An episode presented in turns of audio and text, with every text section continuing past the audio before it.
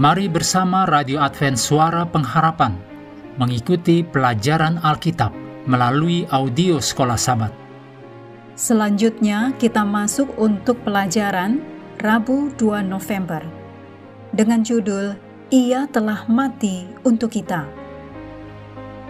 Mari kita mulai dengan doa singkat yang didasarkan dari 1 Tesalonika 4 ayat 4. Yesus telah mati dan telah bangkit. Amin.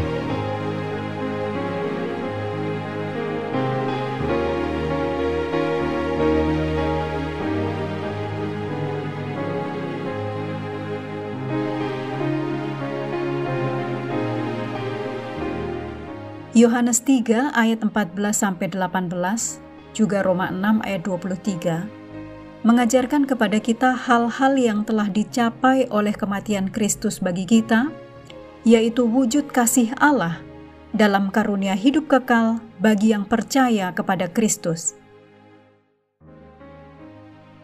Ketika Yesus tiba di Sungai Yordan untuk dibaptis, Yohanes Pembaptis berseru, "Lihat, anak domba Allah yang menghapus dosa dunia, dicatat dalam Yohanes 1 ayat 29. Pernyataan ini mengakui Kristus sebagai penggenapan anak domba Allah yang kepadanya seluruh pengorbanan perjanjian lama ditujukan. Tetapi korban binatang tidak dapat menghapus dosa dengan sendirinya. Dicatat dalam Ibrani 10 ayat 4 mereka hanya menyediakan pengampunan bersyarat yang bergantung pada pengorbanan Kristus di kayu salib di masa depan.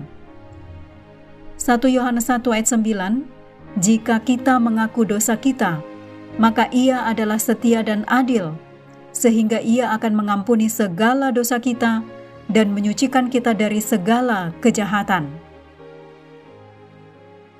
Yohanes 3 ayat 16 dan 17 karena begitu besar kasih Allah akan dunia ini, sehingga ia telah mengaruniakan anaknya yang tunggal, supaya setiap orang yang percaya kepadanya tidak binasa, melainkan beroleh hidup yang kekal. Sebab Allah mengutus anaknya ke dalam dunia, bukan untuk menghakimi dunia, melainkan untuk menyelamatkannya oleh dia. Ayat-ayat ini adalah pengharapan luar biasa bagi kita, terutama ketika benar-benar merasa bahwa kita pantas dihukum atas sesuatu yang telah kita lakukan.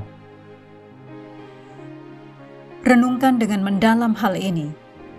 Yesus, pribadi yang menciptakan alam semesta, seperti yang dicatat dalam Yohanes 1 ayat 1 sampai 3, mempersembahkan dirinya bagi kita masing-masing sebagai korban untuk dosa Semuanya agar kita tidak perlu dihukum atas apa yang dapat membuat kita dihukum secara adil.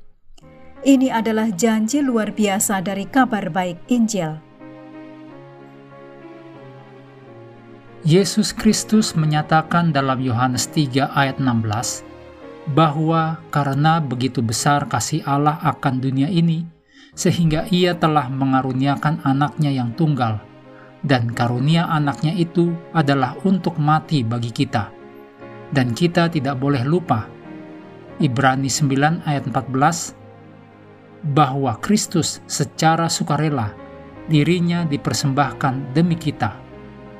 Luther menyebut salib sebagai mesbah di mana dia, yaitu Kristus, yang dilalap api kasih tak terbatas yang membara di dalam hatinya mempersembahkan korban yang hidup dan kudus dari tubuh dan darahnya kepada Bapa dengan perantaraan yang sungguh-sungguh, seruan yang lantang, ratap tangis, keluhan, dan air mata. Ditulis dalam Ibrani 5 ayat 7. Demikian kutipan dari Luther's Works jilid 13, halaman 319. Kristus mati sekali untuk semuanya, Demikian dicatat dalam Ibrani 10 ayat 10 King James Version. Dan sekali untuk selama-lamanya. Ditulis dalam Ibrani 10 ayat 12. Karena pengorbanan Kristus sangat mencukupi dan tidak pernah kehilangan kuasanya. Ditulis oleh Ellen G. White dalam Membina Keluarga Sehat halaman 114.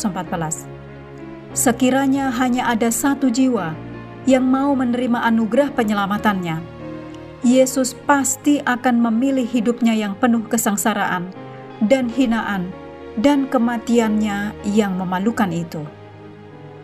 Yohanes 3 ayat 16 Karena begitu besar kasih Allah akan dunia ini, sehingga ia telah mengaruniakan anaknya yang tunggal, supaya setiap orang yang percaya kepadanya tidak binasa, melainkan beroleh hidup yang kekal. Renungkan kembali ayat ini dan ganti kata dunia dan setiap orang dengan nama Anda sendiri. Kiranya Anda dapat belajar dari waktu ke waktu, terutama ketika tergoda untuk berbuat dosa. Berpeganglah kepada janji yang indah ini. Mengakhiri pelajaran hari ini, mari kembali kepada ayat hafalan kita, Yohanes 3 ayat 14 dan 15. Dan sama seperti Musa meninggikan ular di padang gurun, demikian juga anak manusia harus ditinggikan, supaya setiap orang yang percaya kepadanya beroleh hidup yang kekal.